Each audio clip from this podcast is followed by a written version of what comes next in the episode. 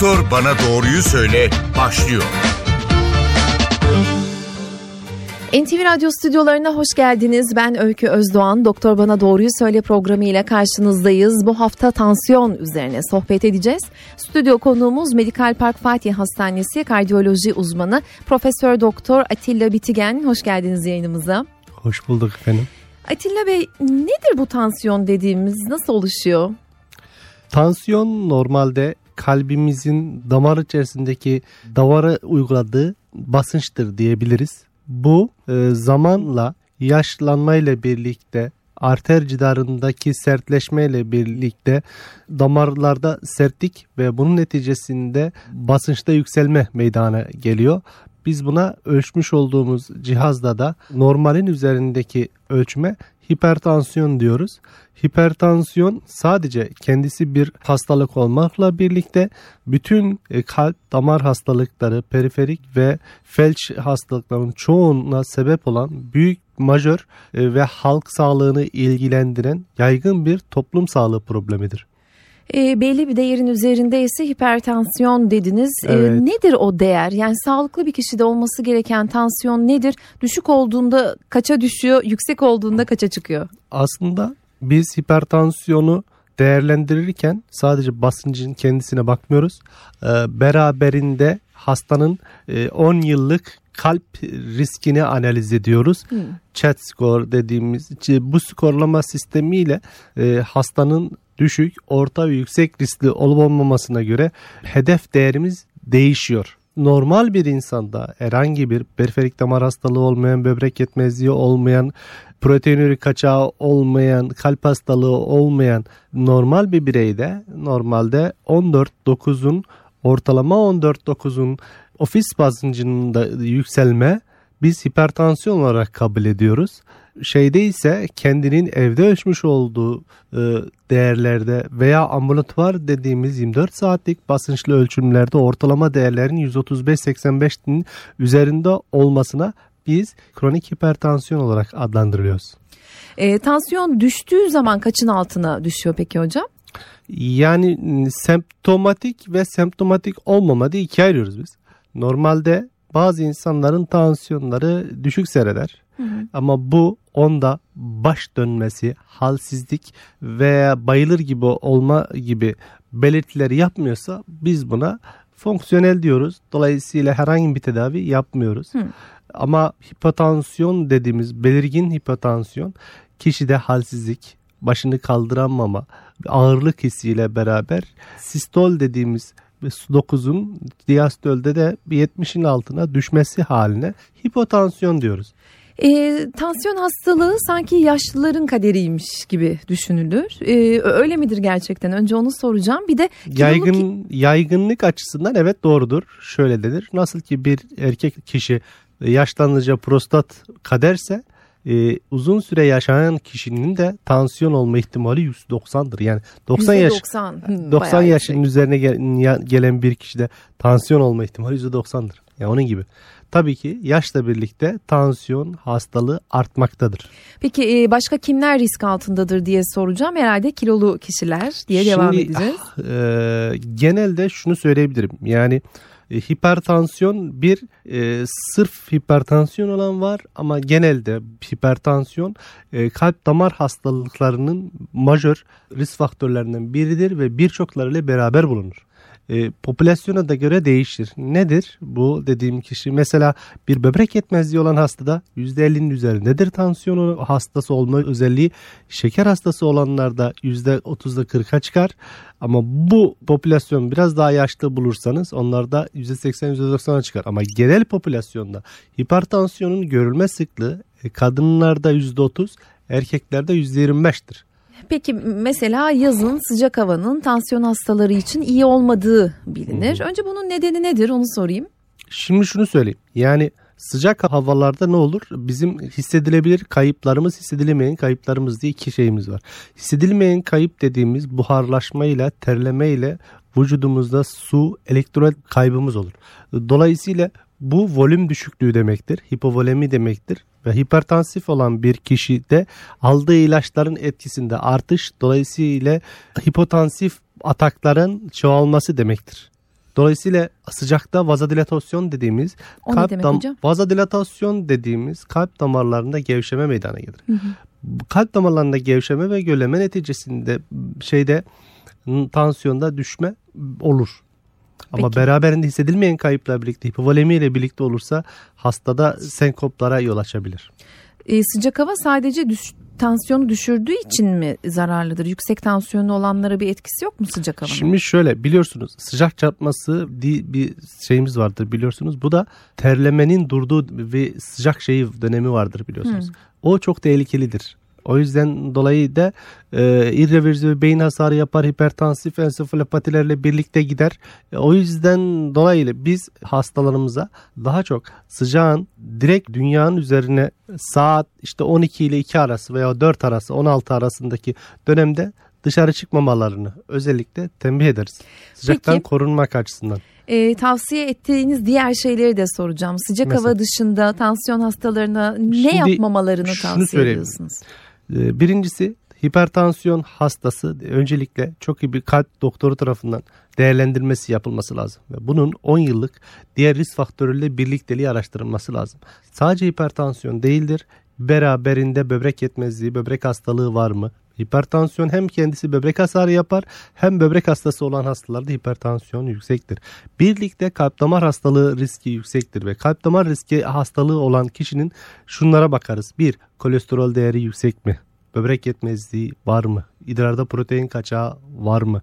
Ve endokan hasarı dediğimiz hipertansiyona bağlı kişi de yapısal bir kalp damar hastalığı hasarı gelişmiş midir?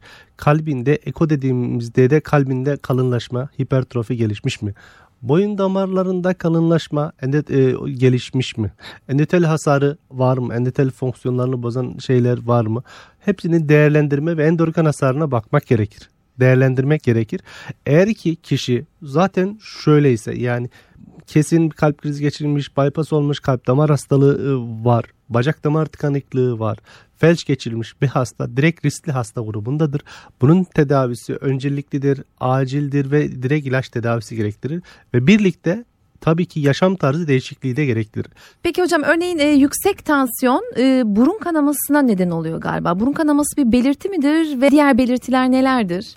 Şimdi şunu söyleyeyim. Birincisi tabii halk arasında baş ağrısını da burun kanamasını da e, hepsini tansiyonla ilişkilendirilir. Fakat burun kanaması elbette ki kontrolsüz ani yükselmeler sonrası kalp damar ağının en fazla olduğu burnundaki bölgeden dolabileceği gibi beyin kanaması da bunlardan biridir. Evet bir semptomdur, sebeptir ama her burun kanaması da hipertansiyona bağlı değildir. Ayrımını e, iyi bir kulak burun boğaz doktoru artık bir e, hipertansiyonu var mı araştırılması için kalp doktorunun muayenesi ve tetkiki gerektirir. Peki baş ağrısı, ense ağrısı yani tansiyon hastalığının en belirgin belirtileri nelerdir? Birincisi sinsi olması nedeniyle biz buna sinsi hastalık deriz. Dört dörtlük bariz bir bulgusu yoktur. Hastanın belli yaşın üzerinde özellikle herkesin düzenli olarak sağlığını kontrol ettirmesi ve sağlığın bir parçası olarak da düzenli tansiyon ölçümü yaptırmasını öneririz. Ölçmezseniz, değerlendirmezseniz tansiyonunuz olduğunuzu bilmezsiniz. Bir de tansiyon hastasının ölçerken de önemli şeyleri vardır. Kişiler koşudan gelmiştir, ağır yemek yemiştir, egzersiz yapmıştır, çay kahve sonrası zaten az çok tansiyon yüksek olabilir. Biz böyle durumlarda işte çay ve kahve ve sigaradan sonra yarım saat, e, egzersiz sonrası, dinlenme sonrası mümkünse tansiyon ölçeriz. Muayenehanemize gelen hastalarda da ofis basıncını ölçerken en az 5 dakika sakin, loş ortamda tansiyonu öyle ölçeriz. Evet değerin daha Daha sağlıklı, sağlıklı olması çıkması için. için. Peki hipertansiyondan bahsettik. Tansiyonun düşme nedenlerini de e, söyleyelim mi dinleyicilerimiz için? Şimdi şöyle söyleyebilirim. Tansiyon düşürme sebepleri en büyük sebep birincisi ilaç kullanmaya bağlı. Yani kullanılan başka bir ilaç yüzünden Yani tansiyon şöyledir. düşüyor öyle mi? Şimdi tansiyon hastalarımız ilaç alıyor.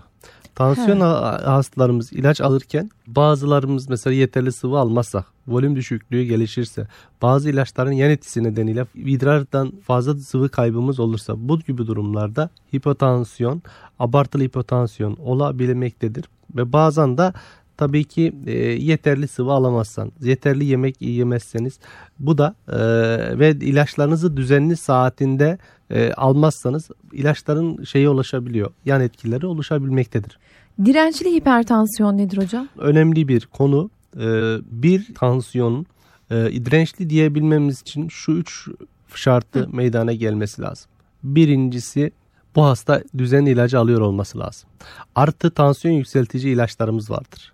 Nedir bunlar? İşte ağrı kesicilerdir. Kulak burun boğaz tıkanıklığını giderecek dekonjestanlardır. Kortizollardır. E, veya siklosporindir veya başka bir. Yani tansiyonu yükselten ilaçlar. Ve başka sebepleri iyi bir araştırdıktan sonra ve en az 3 tane ilaç alıyor olması lazım. Ve bunlardan bir tanesi diüretik dediğimiz e, vücudumuzdan su miktarını azaltan ilaç türü. Diüretiğin ilave olduğu en az 3 ilaçla tansiyonumuzun kontrol altına alınmadığı durumlara biz dirençli hipertansiyon deriz. Hiç mi kontrol altına alınamıyor peki? Şöyle çok düşük bir oranda olan insanlar ciddi anlamda evet ama genelde dediğim gibi iyi bir diyetle Hı. ve sıkı doktor kontrolüne gelen ve aktif olarak tedaviye katılım olan nedir bu? Tedavimize uyum sağlar, evde tansiyonlarını kendi ölçer ve doktoru ile yakın ilişkiye giren hastalarımızın çoğunda dediğim gibi sebepleri bularak tedavi ederiz. Yani tansiyonu yükselten sebepleri özellikle buluruz. Diyetle ilişkili, tuzla ilişkili faktörler çok önemlidir. Kişimiz eğer ki diyetine dikkat etmezse, tuzlu yerse ilaçların Onu soracağım. etkileri... Nasıl beslenmesi gerekiyor tansiyon evet. hastasının? Tuz çok önemli bizim, değil mi? Bizim açımızdan e, tansiyon hastaları açısından en önemlisi tuzsuz diyet. Hı hı. Tuzdan fakir diyet. Yani e, her şeyde mümkün olduğu kadar sabah kahvaltısı dahil tuzsuz yeme önerimde bulunuyoruz. Nedir bunlar?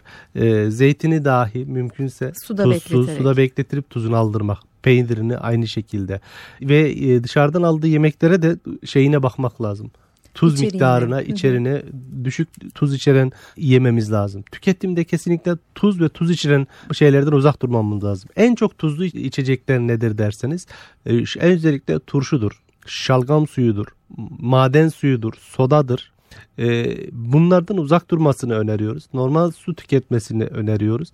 Ve yemeklerde mümkün olduğu kadar tuz ilave etmemesini, salatalarına da özellikle tuz ilave etmemesini öneriyoruz. E, kişiler eğer tuzsuz yiyemiyorsa bunun yerine baharat kullanmalarını, kimyondur, karabiberdir, baharatla e, tuz ihtiyacını giderebileceğini, tuz kullanmadan da o tat elde edilebileceğini göstermemiz hazır lazım. Hazır yiyecekleri herhalde tavsiye etmiyorsunuz. Şimdi hazır yiyecekler biliyorsunuz bir şey raf, raf ömrünü uzatmak ve mikroplardan steril hale getirmek için tuzlamanız gerekiyor. Tuzlamak demek de bizim için önemli olarak tansiyon yükseltir. Özellikle hazırlardan ziyade taze tüketme Hı-hı. önemli. Sa- taze meyve sebze meyveden ağırlıklı ye- yemesini öneriyoruz. Hmm, daş diyeti dediğimiz e, bir diyet öneriliyor ve daha çok da tabii Akdeniz tipi beslenme türü. Tuz oranı düşük, e, doymuş yağ oranı düşük, e, lifli gıdadan zengin, yeşil, baharatlı meyve ve sebzenin ağırlıklı olduğu beslenme türünü özellikle öneriyoruz. Tansiyon başka organlara zarar verir mi diye şimdi bir başka uzmanımıza e, soracağız. Telefon hattımızda Medikal Park Fatih Hastanesi İç Hastalıkları uzmanı Profesör Doktor Ziya Mocan var. Hoş geldiniz yayınımıza. Hoş bulduk. E, Ziya Bey tansiyon beyin kanamasına e, neden olmasından en çok korkulan rahatsızlıklardan biri halk arasında. Nasıl bir ilişkisi var tansiyonla beynin? Ee, şekilde tansiyon hastalığı bir damar hastalığıdır aslında. Yani damarlardaki e, kan basıncının e, fazla olmasına bağlı damarların bir şekilde bir anlamda gerilmesi, fazla gerilmesidir. Şimdi tabi burada tüm organlar kanla beslenir. Yani tüm organlarımızda damar vardır. E, ve tansiyon e, yüksekliği tüm e, dokularımızı özellikle e, damardan zengin dokularımızı etkiler. Bunların başında beyin, göz, kalp, böbrek gibi organlarımız gelmekte. Bu o ana dört organ e, ilk başta etkilenir. Şimdi şu şekilde e, hani e, biz e, tansiyon yükselince baş ağrısı hissederiz. Bu gerginliğe bağlıdır. Yani damar içi e, basınç fazlalığına bağlı, gerginliğe bağlı biz bir baş ağrısı hissederiz. Tabii eğer damarlarımızda bir problem varsa ne bileyim e, eğer e, örneğin beyin içi damarlarda bir e, balonlaşma gibi bir durum varsa bu gerilme yani bu balonlaşan yer zayıf bölgelerdir. Buradan damarlar patlar ve beyin içi kanaması o şekilde oluşur. Peki beyin kanaması bunu, geçirdiğini kişi kendisi nasıl anlayabilir hocam? Yani şu şekilde e, tabii ki bir baygınlık olur, bayılır hasta. Yani beyin kanaması olduğunda şuuru kaybolur ve bayılmadır esas. Ve e, sadece kadar tabii ki daha ilerisi ölüme kadar gidebilir. Solunum merkezinde bir yerdeyse felç olur. Göz merkezine yakınsa kör olur e, ve diğer motor merkezlere yakınsa işte felçler meydana gelir. Peki, yani bizim inme dediğimiz olay. E, tansiyonun beyin kanamasına neden olmaması için ne yapmak gerekiyor? Tabii ki tansiyonumuzu çok yakın e, takip altında almamız lazım. Şöyle e, senede bir mutlaka tansiyonumuza gençler baktırması lazım. Yaşlılar bu a, 6 ayda bir tansiyona bakılması lazım. Şu nedenle şu anda tansiyonu normal olan birisinin bakarsanız e, iki ay sonra tansiyonu yükselir, bir ay sonra tansiyonu yükselir ve farkında olmaz.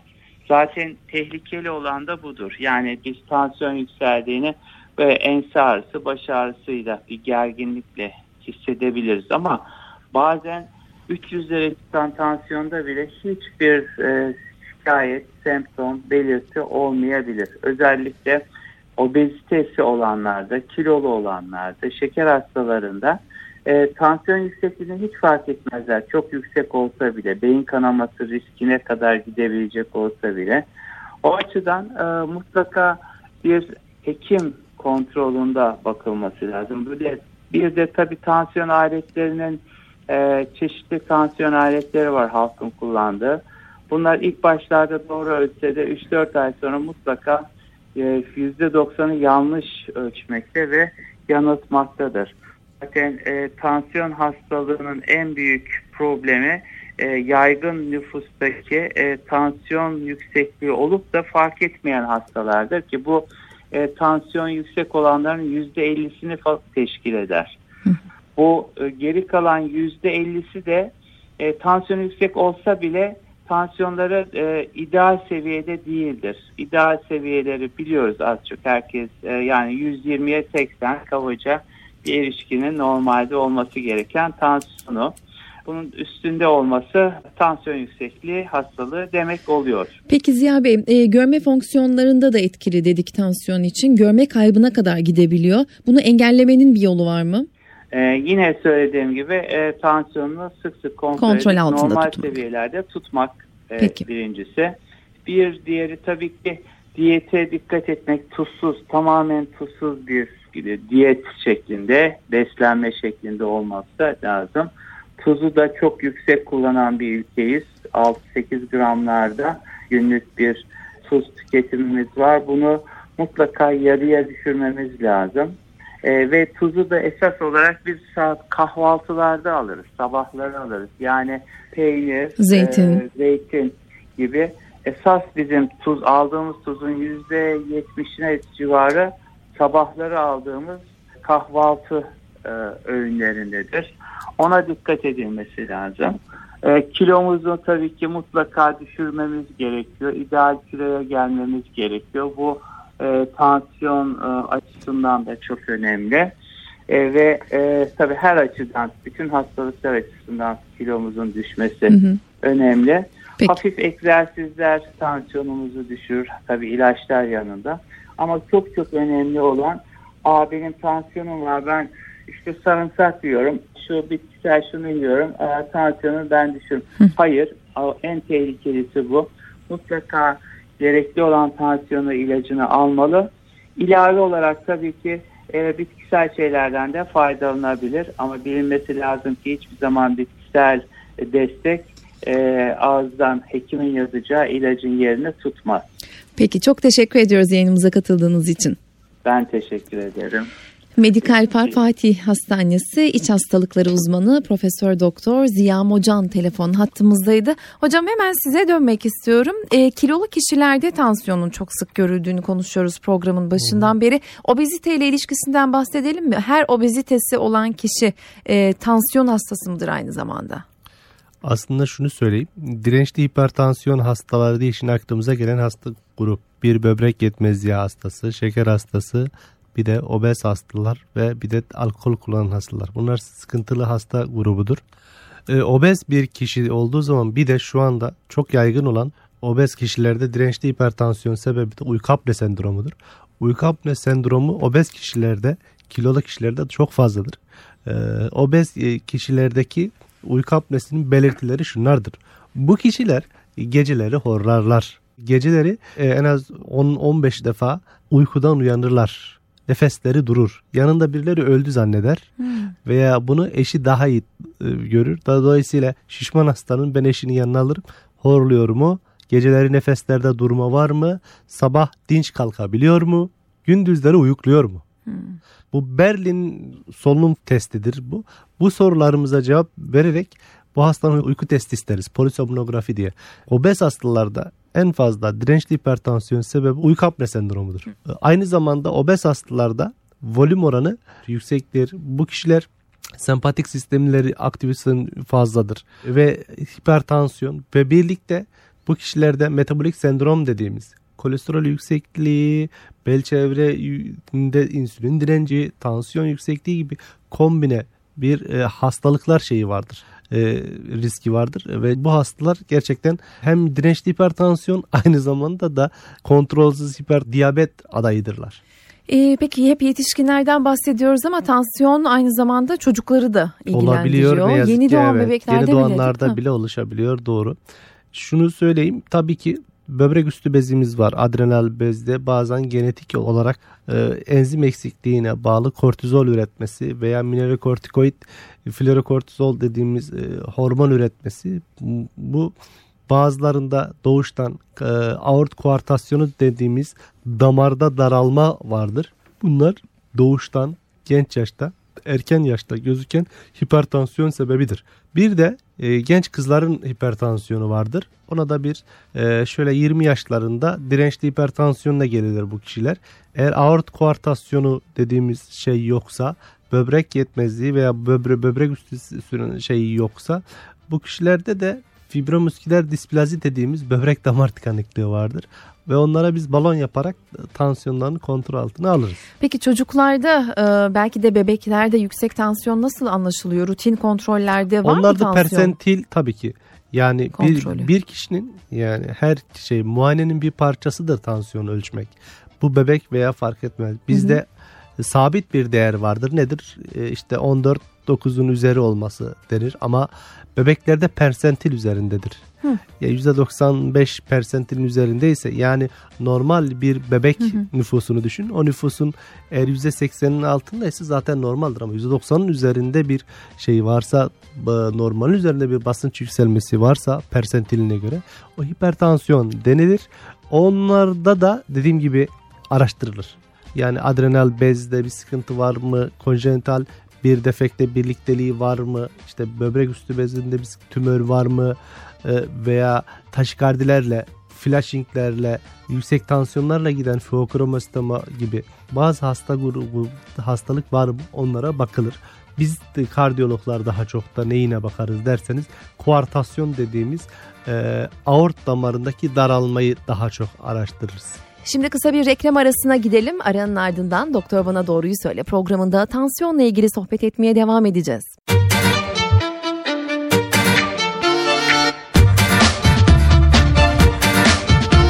Doktor Bana Doğruyu Söyle devam ediyor. Doktor Bana Doğruyu Söyle programında bu hafta tansiyon üzerine sohbet ediyoruz. Stüdyo konuğumuz Medikal Park Fatih Hastanesi kardiyoloji uzmanı Profesör Doktor Atilla Bitigen. Peki hocam e, kalp sağlığıyla tansiyonun ilişkisini biraz daha ayrıntılandıralım. E, tansiyonu olan kişilerin kalbini diğerlerine göre herhalde daha mı çok koruması gerekiyor? Daha mı kalp sağlığına önem vermesi gerekiyor? Şimdi bir defa kalp damar hastalıklarının risk faktörlerini saydığımızda hipertansiyon başta gelir. Ama buna ilaveten bu kişilerde genelde %80 kolesterol yüksekliği e, eşlik eder. İşte hastada obezitenin varlığı, hareket azlığı, böbrek hastalıkları bunların hepsini tek tek araştırmamız gerekiyor. Ve bir kişinin kesinlikle tansiyonuna, kolesterolüne, aile hikayesine, sigara kullanıp kullanmadığına bakarak biz 10 yıllık kalp krizi geçirme riskini analiz ederiz. Eğer bu hasta yüksek riskli grupsa zaten tedaviye direkt başlanır. Hasta eğer çok düşük riskli grupsa önce hayat tarzı değişikliği dediğimiz tuzsuz diyet, işte egzersizde artış, ideal kiloya varma, alkolde kısıtlama, tuzda kısıtlama, aktivitede artış yani yürüyüş, her gün yürüyüş, yarım saati geçen e, ve egzersiz şeklinde, yüzme şeklinde spor aktiviteyi arttırırız. Alkolü kısıtlarız, tuzu kısıtlarız. Tabii ideal kiloya indirmeye çalışırız. Peki bunları yapmayan tansiyon hastalarını neler bekliyor? Hipertansiyon eğer kontrol altında değilse en büyük sebebi felçtir. İnmedir, sakatlıktır, beyin kanamasıdır. Ondan sonra kontrolsüz hipertansiyon size e, böbrek yetmezliği olarak döner. Bacak damar tıkanıklığı olarak, kalp hastalığı olarak döner. Kalp yetmezliği olarak ileride döner. %50'si zaten bu hastalarımızın korunmuş e, ejeksiyon fraksiyonunu kalp yetmezliğidir. E, yaşlı, hipertansiyon olan, obez e, ve şeker hastası olan bayanların çoğunda kalp yetmezliği semptomlarıyla bize gelirler. Peki tansiyon hastalığının tedavisi bir tek ilaç mıdır yaşam tarzını değiştirmenin yanı sıra? Şimdi şöyle elbette ki yeni çıkan ilaç dışı tedavilerimiz de mevcuttur. Neler onlar? Yani şöyle söyleyebilirim. Birincisi renal denervasyon dediğimiz böbreklerin arterlerin içindeki sinirleri yakma yöntemi vardır. Denervasyon yöntemi mecbur kalınırsa çok dirençli ise ilaçta kontrol altına alınmıyorsa bu yapılabiliyor ama tabii ki uzun dönem sonuçta net ne yazık ki bir hayal kırıklığı vardır. Bir de tabii biz renal arter stenozu dediğimiz böbrek damarlarını besleyen arterlerin tıkanıklıkları vardır, darallıkları. Onları da balonla ve stentle açarak e, tansiyonu kontrol altına alabiliyoruz. E, bir de tabii ki baroreseptör stimülasyonu dediğimiz bir tedavi yöntemi vardır. Baroreseptör stimülasyonu şudur. Karotisteki bulunan baroreseptörlere dışarıdan bir elektrot yerleştiririz. Ve bunu da e, kalp pili gibi kalp e, pektoral bölgeye pili yerleştiririz. Bu karotis bölgesindeki bulbustan baroreseptöre devamlı sinyal vererek tansiyonun düşmesini sağlar. Bu da pille dirençli hipertansiyonda kullandığımız bir tedavi yöntemidir. Peki ilaçla e, tansiyonu kontrol altında olan e, hastalar bu ilacı ömür boyu mu kullanıyorlar? Kesinlikle. Hı. Hipertansiyon ömür boyu ilaçları düzenli kullanmak gerekir. İlacımızı kestiğimiz vakit beyin kanaması ve stroke ve felçle her an başımıza gelebilir. O yüzden kesinlikle ve kesinlikle hayat tarzı değişikliği yani tuzsuz diyet, egzersiz ve ideal kilo uğraşmayla beraber düzenli ilaç kullanımı. Ee... Ve doktora düzenli kontrol. Çünkü biz hedef organ hasarı dediğimiz karotis intima medya kalınlığı, göz dibinde kanamalar ve kalbindeki kalınlaşma bunları kontrol ediyoruz. Verdiğimiz ilaçlarla gerilemesini takip ediyoruz. Ve en önemlisi idrarda protein kaybı var mı ona bakıyoruz. Ve medikal tedaviyi verdiğimiz zaman bu protein kaçağının düzelmesi de medikal tedaviden fayda gördüğünü gösteriyor. Ve bu hastaların bir de en önemlisi normal ölçtüğümüz tansiyon cihazları dışında 24 saat ambulatuar holter yöntemiyle tansiyon bakarız ve burada tansiyonun gerçek anlamda gece ve gündüz yarım saat aralıklarla 24 saatlik profilini görürüz. Tansiyonu gerçek anlamda kontrol altında olup olmadığını ona göre değerlendiririz. Gerçek anlamda tansiyon kontrol altında ise biz bu hastaların kanamaya karşı, e, kalp yetmezliğine karşı, kalp damar hastalığına karşı korumuş oluruz.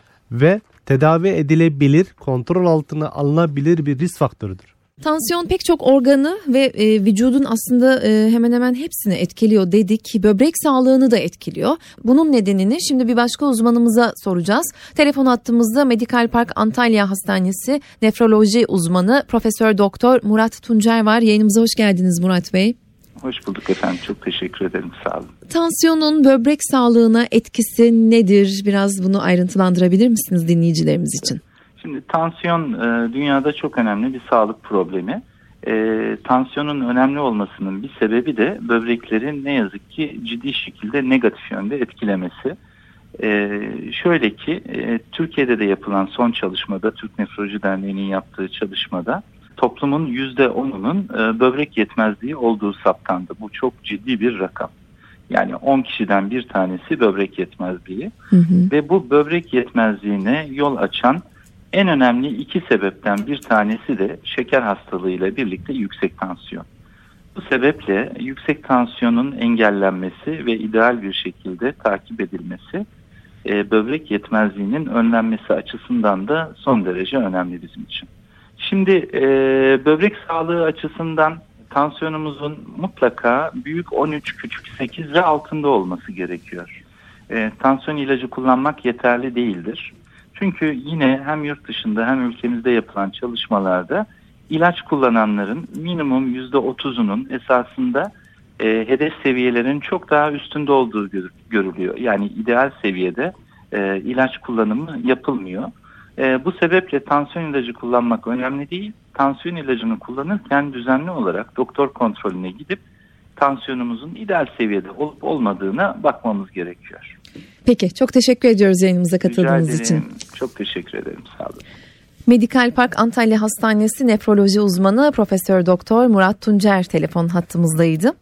Süremizin yavaş yavaş sonuna geliyoruz. Ee, son olarak şunu soralım. Ee, nasıl beslenmesi gerektiğini söyledik tansiyon hastalarının. Besinler dışında nelerden uzak durması gerekiyor tansiyon rahatsızlığı olanların? Stres gibi, sigara gibi başka bilmediğimiz neler var?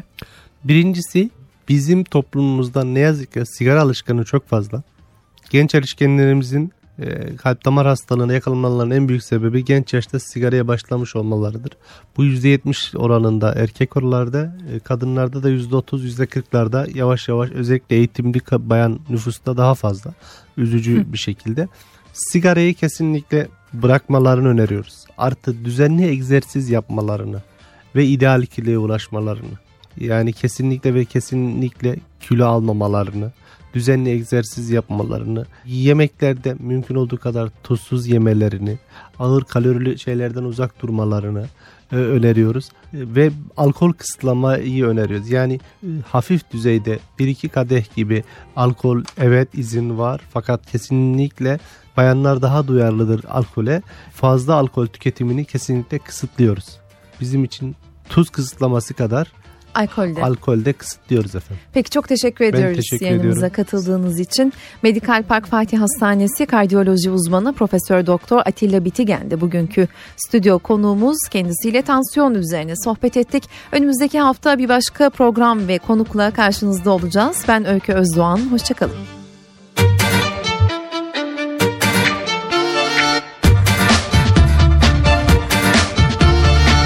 Doktor bana doğruyu söyle.